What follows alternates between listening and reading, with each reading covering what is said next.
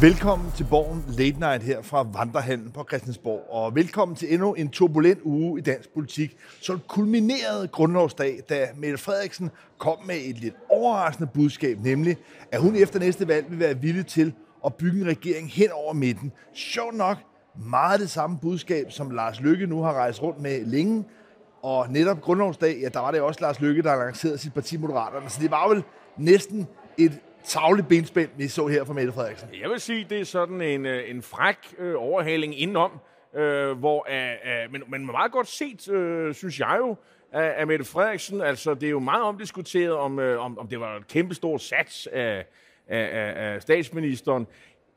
For mig at se er analysen nok den, øh, at øh, statsministeren har, har taget øh, bestik af, af Lars Lykkes melding om, at han vil være det der midterparti, der bygger bro hen over øh, fløjen og så videre.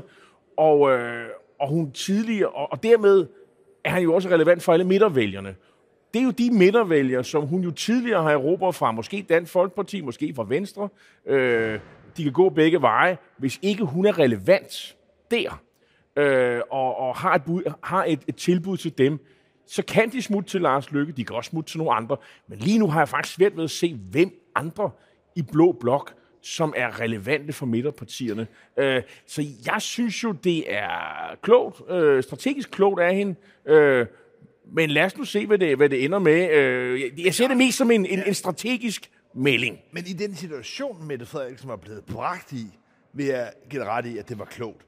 Men det er også et udtryk for, at Mette Frederiksen står et helt andet sted, end hun gjorde for tre år siden, men også for to år siden under øh, corona.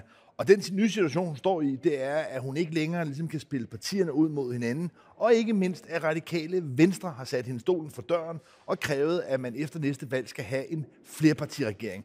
Og det er jo det, Mette Frederiksen nu lidt gør en dyd ud af nødvendigheden af, og siger, okay, men når den kortene nu er spillet sådan, så hun ikke kan få lov til at videreføre sin etpartiregering, så vil hun udvide det, og så i virkeligheden også lidt at udfordre øh, radikale på sin vis ved at sige, jamen så skal der endnu flere partier med, så skal det helt ind over midten. Så jeg, jeg synes ikke, det er et tegn på, at Mette Frederiksen står stærkt, men det er et tegn på, at hun er i stand til at slå nogle koldbøtter, lave nogle kovendinger, ret opportunistisk, prøve at bringe sig ind i en situation, hvor hun står stærkest. Ikke stærkt, men stærkere, end hun ellers ville have gjort. Jeg mener jo, at øh, det er jo ikke enhedslistens fremgang eller SF's fremgang, der er en udfordring mod hendes taburet. Udfordringen mod hendes taburet, det bliver, hvis det er sådan, at nogen kan fremmane det der skræmmebillede af, at SF kommer i regeringen, og måske skal Pia Olsen Dyr være finansminister, og de radikale kommer med. Hvad sker der så med udlændingepolitikken? Det er, det er jo det, hun vil forhindre. Øh, det kan jo godt være, at det ender sådan alligevel. Men det må vi jo først se på den anden side af valget. Hun vil bare ikke gå ind i en valgkamp og sige, at SF og de radikale, det, det, det er endemålet. Det var ligesom det, mange af sådan nogle som os, og, og måske også når man spørger Pia Olsen Dyr og Sofie Carsten Nielsen, det er jo lidt det, de selv de har stillet deres vælgere i udsigt. Og det der bånd, det prøver hun at, at gøre sig fri af. Jeg tror nu stadigvæk, at det kan ende sådan. Og hvis man er borgerlig, så vil man da øh, fastslå eller blive ved med at, at, at fremmane det der billede af, at enten har vælgerne, øh, de har to muligheder med Mette Frederiksen. Enten så fortsætter det der regime, hvor man styrer øh, øh, løjerne øh, stramt op for, for statsministeriet, og man er enerådig, og, og alt det der, som, som, som også Mette Frederiksen kan se nu, at det, at det billede, der tegnet af hende, er, er, er et problem for i hvert fald nogle vælgere. Det er det ene scenarie, som heller ikke er specielt attraktivt. Det andet scenarie, det er SF og de radikale. Det er heller ikke attraktivt. Og så er det, hun ligesom altså, præsenterer den her idé, som Lars Lykke i virkeligheden lancerede i sidste valgkamp med sin bog Befrielsens Øjeblik. Men jeg, noget, jeg tror, vi lige bliver nødt til lige kort at dykke ned i, fordi man ser mange vælgere, i virkeligheden ønske en situation herinde på Christiansborg, der minder lidt om, hvad man ser ude i kommunerne, hvor man konstituerer sig bredt, hvor man laver budgetforhandlinger, stort set med alle partier inddraget, og hvor der hele taget er, kan man sige, en mere mindelig, et mindeligt samarbejde. Man ser også mange i erhvervslivet, som i virkeligheden ønsker, at man herinde skal træffe nogle langsigtede beslutninger, nogle robuste beslutninger, som man kan planlægge efter. Så i virkeligheden er der mange kræfter, der i virkeligheden ønsker det her midtersamarbejde. Ja, de ønsker, og, de ønsker sådan en, en finsk rigsdag, hvor alle partierne øh, går med i regeringen, og, og, og hvor sådan nogen som dig og mig, vi, vi nærmest bliver arbejdsløse, jamen, eller, fordi, fordi der ikke er nogen konflikt. Ja, eller, eller kan man sige, som man har set i Tyskland, hvor man har haft den her gruse koalition, hvor man på skift har set en situation, hvor øh, altså Angela Merkel, dengang hun var kansler, ikke ville gøre brug af den yderste højrefløj, og på samme måde har man også set, at Socialdemokraterne ikke ville gøre brug af den yderste venstrefløj. Og derfor er man så ligesom, kan man sige, kommet ind, lidt som Lars Løkke foreslår hjemme. Men ja, hvorfor er det så svært? Altså, hvorfor er det, at du og jeg tænker, jamen, det er bare noget, de siger, det kommer ikke til at få sin gang på jorden. Hvorfor er det egentlig så svært at skulle lave sådan en midterregering, når der er vælgere, der ønsker det, når der er erhvervsliv, der ønsker det, og hvor der også på en eller anden måde kunne være mulighed lige frem for at lave en flertalsregering? Hvorfor er det så svært? Det, det korte svar er jo, at, øh, at, man siger, at de her koalitioner har det jo med at, at, at, at få det svært i, i længden. I hvert fald et parlamentarisk system som os, fordi der jo hele tiden er rivaler, der vil udfordre det her. Lad os nu sige, at øh, et af de borgerlige partier går, i, går sammen med, med, med Socialdemokratiet i regeringen, jamen så vil det andet parti jo udfordre den her regering. Øh, påpege, alle de kompromiser, der bliver lavet, øh, er helt forkerte osv., og vil dermed vokse på det ene partis bekostning. Socialdemokratiet øh, er jo også øh, under beskydning fra venstrefløjen og, og måske andre midterpartier, når de laver noget øh, alene med de borgerlige. Det er jo set før. Øh, så, så på den måde er, er, er vores parlamentariske system ikke helt givet til det. Der er heller ikke nogen skal man sige, stor begejstring internt i Socialdemokratiet for, at man laver en bred aftale, med, eller, eller man går i regering med et borgerligt parti. Der er en selvforståelse af, at, øh, at man er et parti, der jo nærmest skal holde de borgerlige øh, magten. Øh, det samme har du, et, spejlet har du i de borgerlige partier. Socialdemokratiet er hovedfjenden. Man skal holde Socialdemokratiet væk fra fadet, helst selvfølgelig med, øh, med egne idéer. Men øh, hvis man ikke har det, så kan man i hvert fald forhindre Socialdemokratiet at føre deres politik. Så det, og det er jo sådan noget, der er øh, bygget op over øh, ja, øh, mere end et århundrede. Og så skulle man pludselig tage livtag med den kultur. Jo, det kan man godt, når landet stander i våde, når der er krig. Øh, og, og det eneste eksempel, øh, hvor øh, man ligesom kan hive frem, øh, det er jo de der ganske få måneder tilbage i øh, 78, 79, tror jeg det var, hvor man øh, forsøgte det her SV-samarbejde med kontrolministre, og hvor det hele druknede i, at øh, ingen havde tillid til nogen. Men verden har ændret sig, og der er jo ikke nogen tvivl om, at der på en lang række politiske områder vil være en bred enighed. At man kan godt forestille sig, også når man kigger på, hvordan de stemmer nede i salen for inden af gangen, at der er utrolig mange områder, hvor man faktisk vil kunne blive enige. Så det er jo ikke noget, der sådan set sådan politisk teknisk men, er en umulighed. Men, men det handler jo også om, at øh, partier har identiteter, og, og, og, og øh, politik er et teater. Der kommer nogle socialdemokrater ind for venstre, der kommer V og K ind for højre, de laver en aftale og går hver til sit. Hvis man sådan begynder at miste det hele op, så bliver folk forvirret. Det var faktisk lidt det, som Dansk Folkeparti jo forsøgte. De mente jo, de forsøgte jo faktisk og, og koketterede med, at de ville lave den her koalition med at Dansk Folkeparti, de skulle regering med Socialdemokratiet. De, på et tidspunkt så sagde de jo øh, ikke, øh, når, øh, hvis man kom i regering med Socialdemokratiet. Det var, når man kom i, i, i regering med, med Socialdemokratiet. Og det var altså et parti, som havde altså vundet en kæmpe stor valgsejr med borgerlige stemmer fra Venstre, altså partiet Venstre, øh, som nu føltes, at nu var man i en position, hvor man ligesom kunne gå i regering med Socialdemokratiet. Det endte galt. Ja, ja, lad os lige vente lidt med Dansk Folkeparti, som jo ser ud til at have taget endnu et skridt ned ad trappen, ned i en sum. Lad os lige vente lidt med det, fordi det interessante her, grundlovsdag, hvor Mette Frederiksen lancerer den her idé om, måske efter næste valg, at lave en midterregering. Der lancerede Lars Løkke også endelig Moderaterne, de blev stiftet. Og hvad var hans reaktion? Ja, det var jo på en eller anden måde at melde ret klart ud, at Moderaternes mandater ikke kommer til at støtte en ren blå regering, og øvrigt heller ikke en rød regering. Partiet har meget oplagt, kan man sige, taget farven lilla, og den melding fra Lars Løkke, at hvis Venstre og Konservative, sammen med Liberale Alliance, Dansk Folkeparti, Nye Borgerlige og Moderaterne, kristendemokraterne skyld, skulle få et flertal, ja, så vil Lars Løkke ikke lægge mandater til, at man laver en ren blå regering. Og givet, at Moderaterne, det vil være min vurdering, har en ganske god chance for at komme i Folketinget, så er man blevet ud i den situation, at efter Lars Lykkes melding, så er en egentlig blå regering vel reelt ikke længere en mulighed. Det er, øh, det, det vil jeg sige, er, er, er en, en korrekt øh, analyse. Men jeg synes nu også, at det er der, hvor Lars Lykke har blottet sig. Fordi nu ved vælgere, som er blå, at en stemme på ham, det er en stemme på, øh, ikke på, ikke på nogen blå regering. Og hvad er der så tilbage? Jamen, så er det jo en rød regering. Det er dem, der har magten. Så øh, altså, for mig at se, så skubber han jo sit parti ind i, i, øh, i rød blok Øh, ikke nødvendigvis, fordi han vil støtte det, men han vil jo ikke støtte en blå regering. Og dermed tror jeg, han har, øh, udsætter sig for et fravalg af blå vælgere. Ja, ja, blå vælgere. Jeg mener, Ja. jamen det er jo dem, der skal... Er vel, nej, du snakkede før om, det var Du midtervælgerne. skal, jo, du skal jo tænke på, jo jo, men det er jo i, i nominelt, er det jo et, øh, et, øh, et blåt parti, øh, sådan har jeg i hvert fald forstået det. Øh, altså, sådan, sådan har jeg forstået det. Lars Lykke er en blå politiker. Han ses som en blå politiker. Det, jeg- jeg går ud fra, at øh, det er blå vælgere, der han skal øh, øh, også have fat i, øh, udover nogle radikale vælgere, og måske også nogle socialdemokratiske vælgere. Så jeg, jeg, jeg, jeg, mener, han, han udsætter sig for en blot serie. Det var, det var for tidligt, at øh, den melding kom. Jamen, blottelse, blottelse. Altså, man kan sige, det der jo er budskabet, det er sådan lidt det samme, som man havde i sidste valgkamp, det var, at han ikke ville basere en regering på nye borgerlige.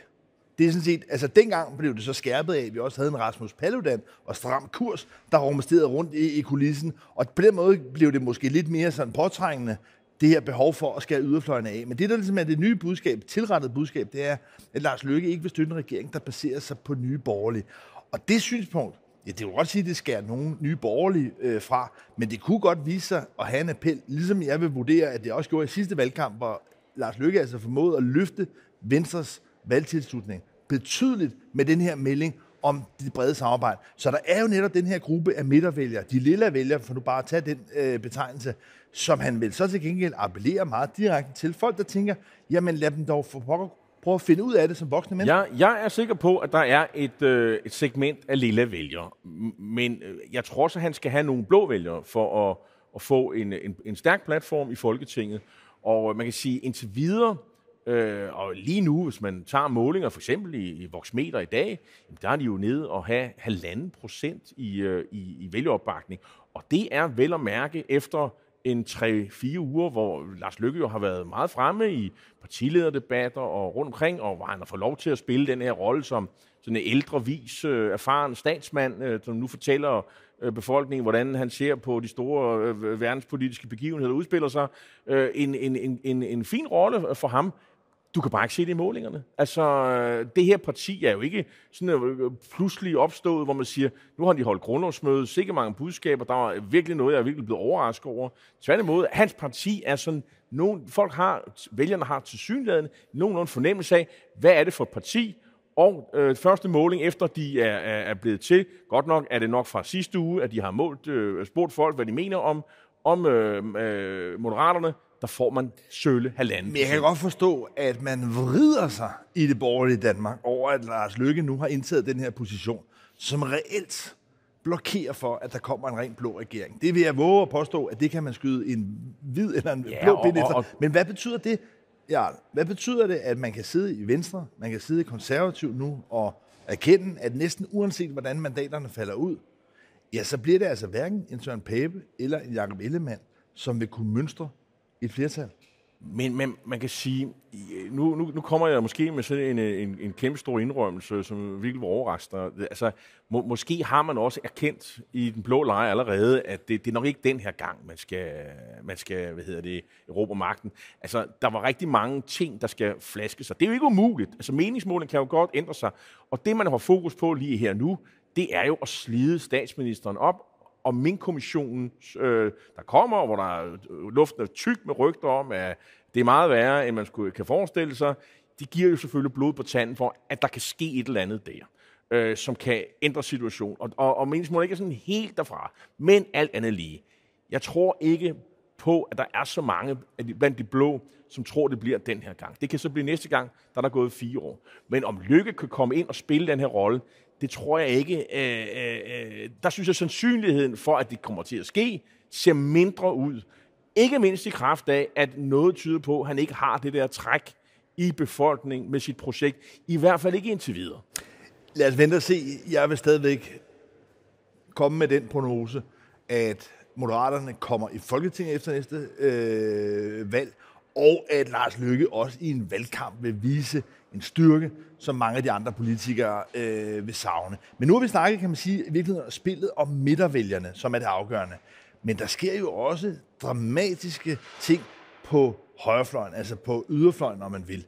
Vi har en situation, hvor Inger Støjberg begynder nu at rasle så meget med sablen, at det er næsten kun et spørgsmål om, hvorvidt partiet kommer til at hedde Jysk Folkeparti, eller hvad det nu er for et navn. Og samtidig har vi også ny opløsning i Dansk Folkeparti. Jarl, hvad er det, der sker i på højrefløjen? Jamen altså, det jeg synes er det mest synlige og klare, det er jo, at øh, Dansk Folkeparti forvidrer. Og, og når en mand, som er rødmand og, og har en stilling i, op i Aalborg, og som en af de der få lyspunkter, der faktisk var for Dansk Folkeparti ved sidste kommunalvalg, når han smider håndklædet i ringen og siger, det der projekt Messerschmidt, som jeg ellers var en varm tilhænger af i, i, i, i januar, det er jo ikke så længe siden. Øh, det, det gider jeg simpelthen ikke bruge mit liv på. Øh, nu er, kører jeg perioden ud som rådmand, men indtil videre så melder jeg mig ud af partiet. Det er jo en... Det er jo det modsatte af en tillidserklæring, kan man sige, øh, og en næsestyver af rang til Messerschmidt.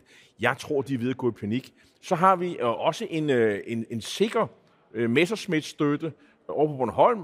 René Danielsson, som også lokal har gjort det rigtig godt for Dansk Folkeparti. Han siger, at han gider ikke sidde i hovedbestyrelsen. Altså, det er jo ellers en hovedbestyrelse, som som, øh, som, meget som, magtfuld, altså, ja. jamen, som Messerschmidt kontrollerer i dag. Hvad er problemet med at sidde i hovedbestyrelsen, hvor, han, hvor de har styr på tropperne?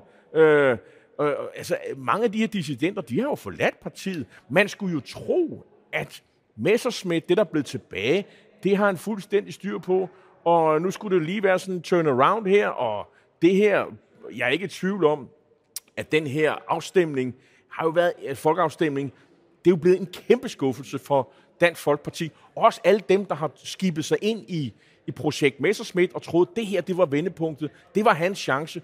Altså, det blev ikke hans chance. Det, var, det, var, det blev en skuffelse, og samtidig så ser de jo, at Tusinddal hele tiden forsøger at rokke båden og skabe ballade.